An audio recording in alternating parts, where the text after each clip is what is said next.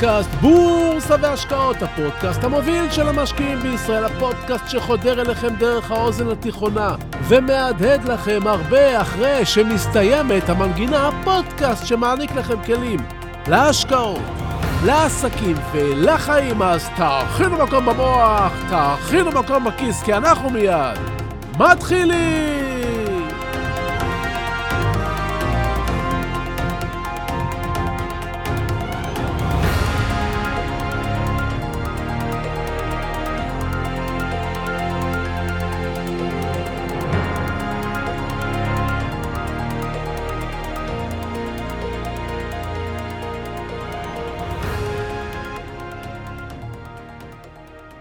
אני אוהב מילים שמציירות ציור.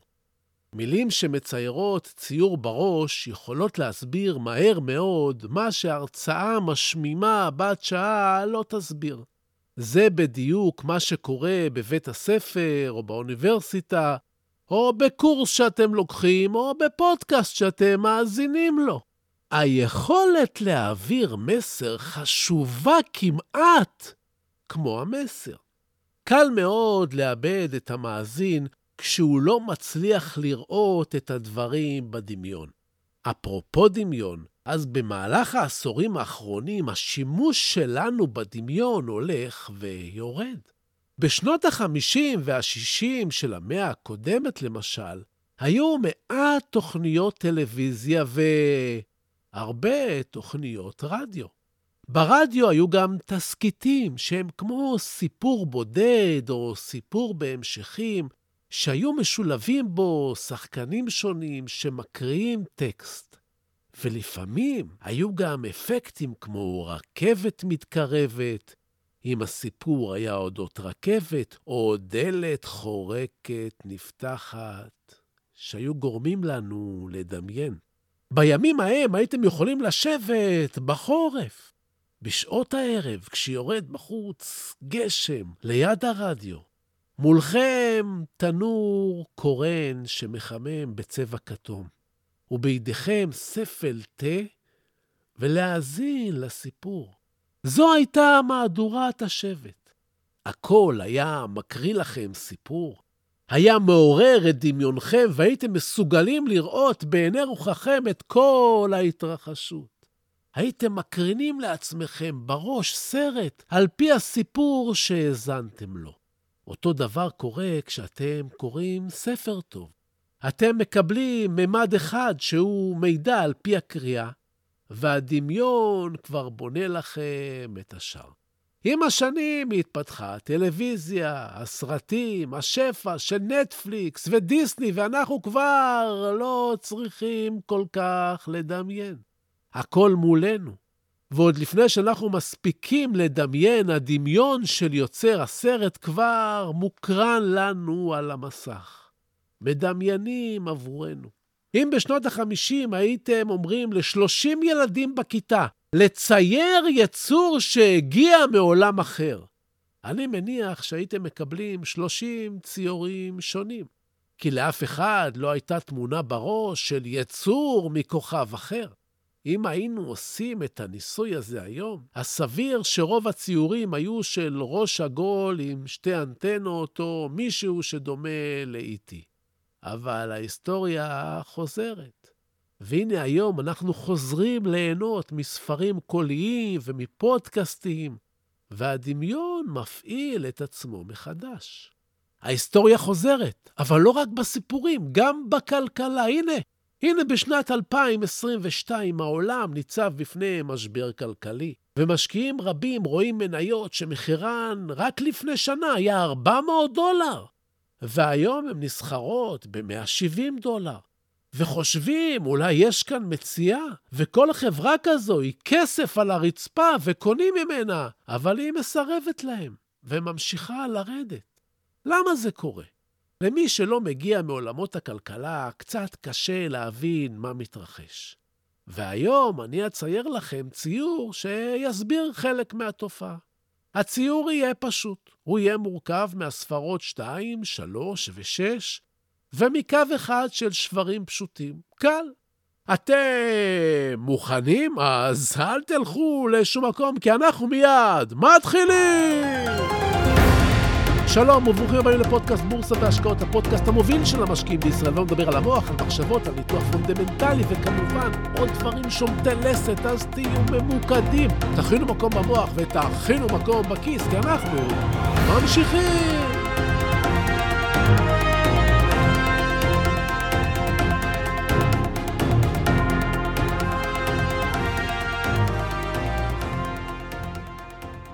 אני אוהב מילים שמציירות ציור. ציינתי קודם לכן, ואחד המשפטים האהובים עליי הוא נמלה חושבת שהקן שלה הוא מרכז העולם.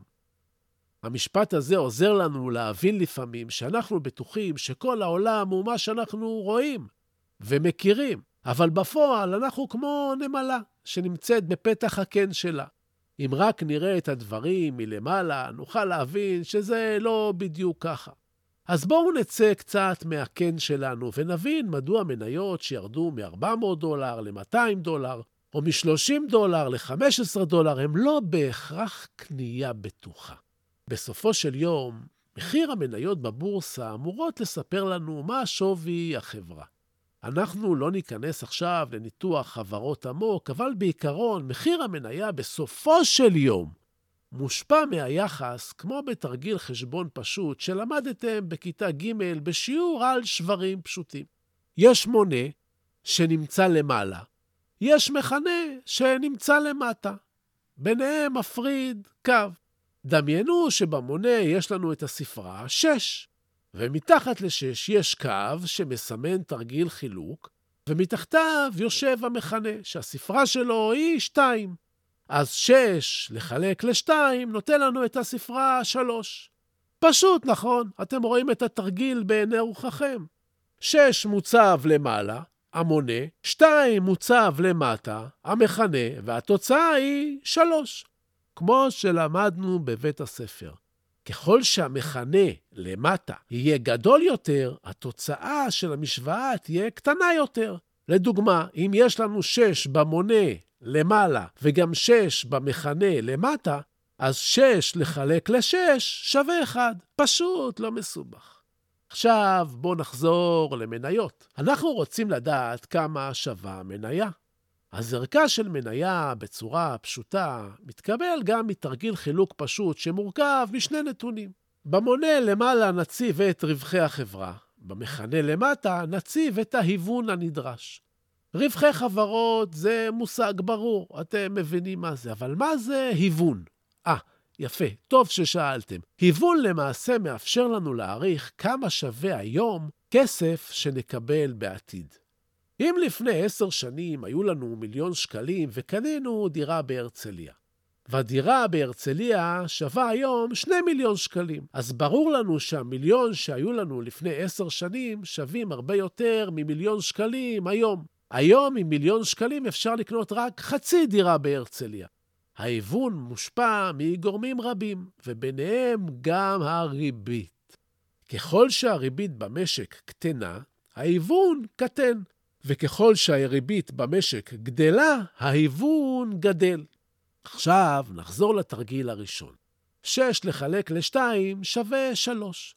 אם רווח החברה של המניה שלנו מתומחר 6 וההיוון מתומחר 2, אז מחיר המניה שלנו הוא 3, נכון? אבל עכשיו הריבית עלתה מאוד, וההיוון גדול יותר. אז הוא כבר לא 2, אלא הוא 3. עכשיו נציב את המספרים. רווח החברה הוא 6, וההיוון, בגלל שהריבית עולה, הוא 3. אז 6 לחלק ל-3 נותן לנו את התוצאה 2. כלומר, לפני שנה, כשהריבית הייתה 0, המניה שלנו הייתה שווה 3. אבל בגלל ההיוון, עכשיו היא שווה 2. משקיע שלא מבין אומר לעצמו, לפני שנה המניה הייתה שווה 3. עכשיו היא ירדה ל-2, למחיר 2. אז המחיר שלה כדאי, לא? היא זולה, לא כך? אולי נמצע. נמצע שערים. עכשיו אתם מבינים שהמחיר 2 הוא לא בגלל שמשקיעים מבוהלים מכרו את המניה, אלא המניה שווה באמת 2, כי הריבית הגבוהה שינתה את ההיוון. אבל רגע, עדיין לא סיימנו. בואו נחזור לתרגיל שלנו בחשבון. למדנו שככל שהמכנה שלנו גדול יותר, כך מחיר המניה קטן.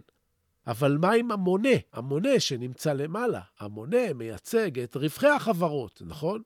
עכשיו תמכרנו אותו בשש, אבל זה מה שהיה לפני שנה.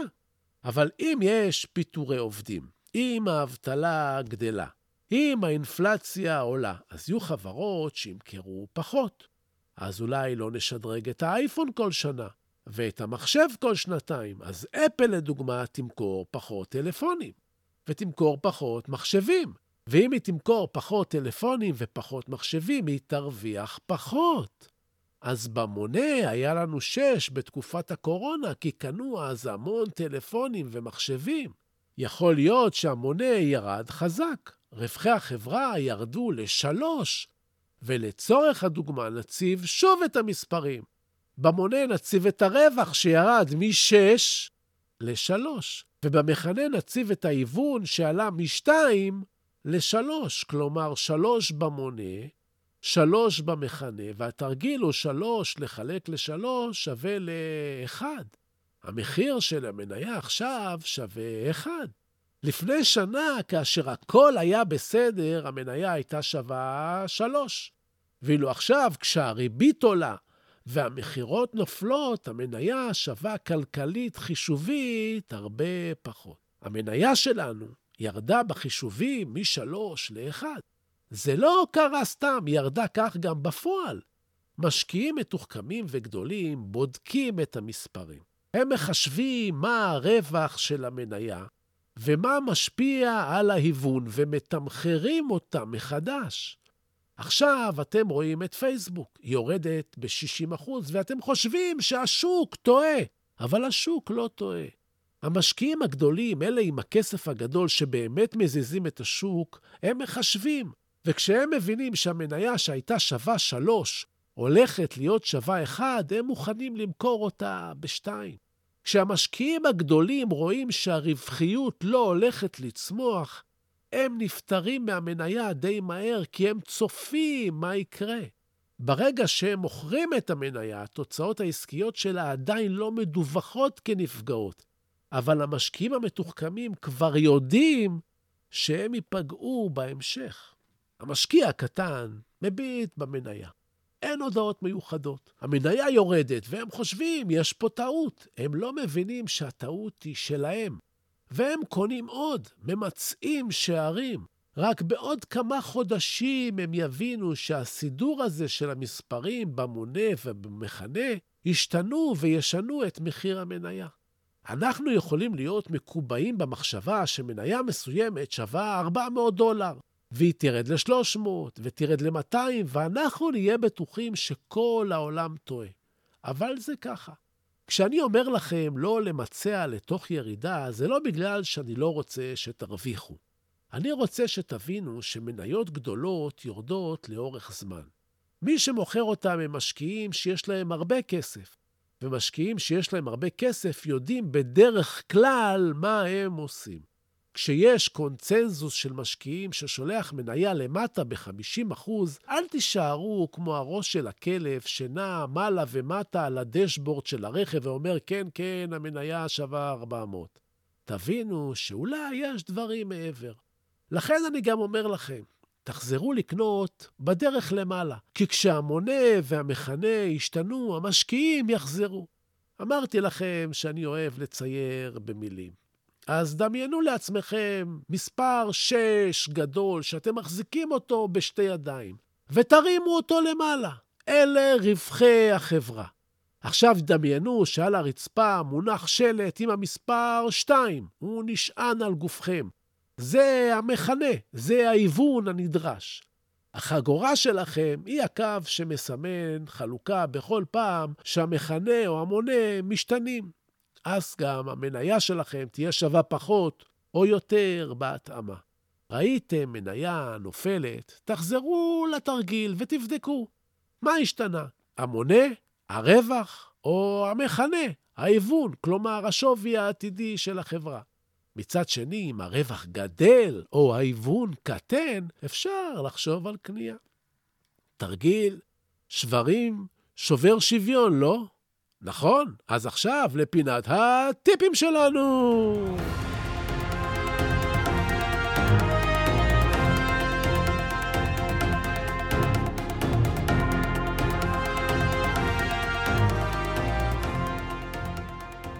שווקים דוביים לא ממהרים לעלות חזרה. אני יודע שכולם מחפשים סימנים עליזים שהנה, הנה, אוטוטו השוק מסתדר וחוזר לעלות, אבל זה לא קורה כל כך מהר. השוק מדשדש בדרך למטה ושובר עוד ועוד משקיעים שמוכרים ומוכרים. וזה תהליך שלוקח זמן. זה הרבה יותר גרוע ממפולת כמו בתקופת הקורונה. בתקופת הקורונה המפולת הייתה בכלל אירוע בריאותי, ולכן השוק ירד ומיד עלה. המשבר הנוכחי הוא כלכלי ויכול לקחת זמן. כוח הקנייה של הצרכנים בארצות הברית חשוב מאוד לשוק ולכלכלה שם. וכל זמן שהאינפלציה והריבית גבוהות והפיטורים מתרחבים, זה אומר שהמשבר לא לקראת סיום. כלכלה עובדת במחזוריות. ואנחנו בחלק הפחות נעים שלה.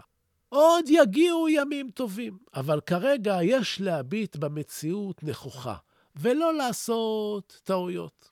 אתם הבנתם את זה אז?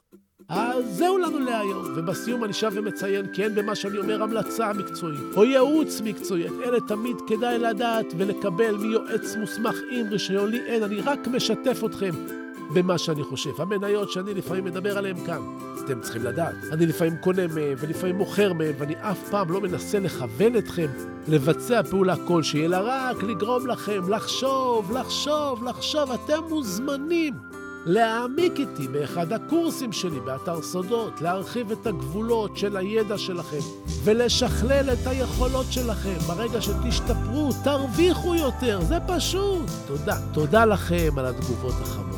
תודה על השיתופים. אתם מפיצים ואנחנו גדלים ביחד, קהילה איכותית וטובה. תודה להילה ברגמן שעורכת ומאירה ומפיקה את הפודקאסט הזה. עד הפגישה הבאה שלנו, אתם מוזמנים לשמור איתי על קשר. לבקר באתר האינטרנט שלי, סודות.co.il, לשלוח לי מייל, זביקה כרוכית סודות.co.il. לעקוב אחריי באינסטגרם, סודות, כף תחתון בורסה, באנגלית. זה מעניין מאוד.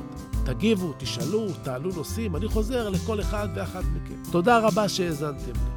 תהיו טובים, תעזרו למישהו שצריך. תעשו משהו טוב לעצמכם. תדריכו משקיעים חדשים שלא יפסידו כסף, שלא ילכו שולל. חבל על כל שקל שמישהו מפסיד. זה כואב, מישהו עבד בשבילו. תלמדו משהו חדש. תתקדמו, קחו עוד צעד אחד קדימה בחיים שלכם. שיהיו לכם בשורות טובות. הלוואי שתתעשרו בהקדם. הרבה בריאות. אני הייתי צביקה ברגמן, ואנחנו ניפגש בקרוב!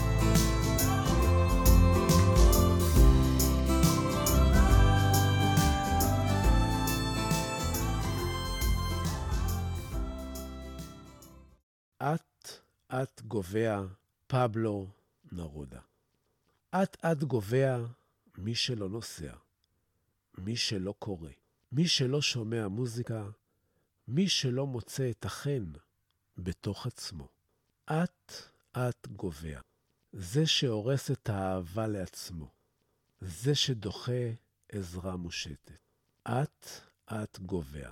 זה המשועבד להרגליו, החוזר יום-יום על אותם המסלולים. אט-אט גובע. זה שלא מחליף את המותג, שלא מחליף את צבע הלבוש, שלא משוחח עם מישהו שהוא לא מכיר.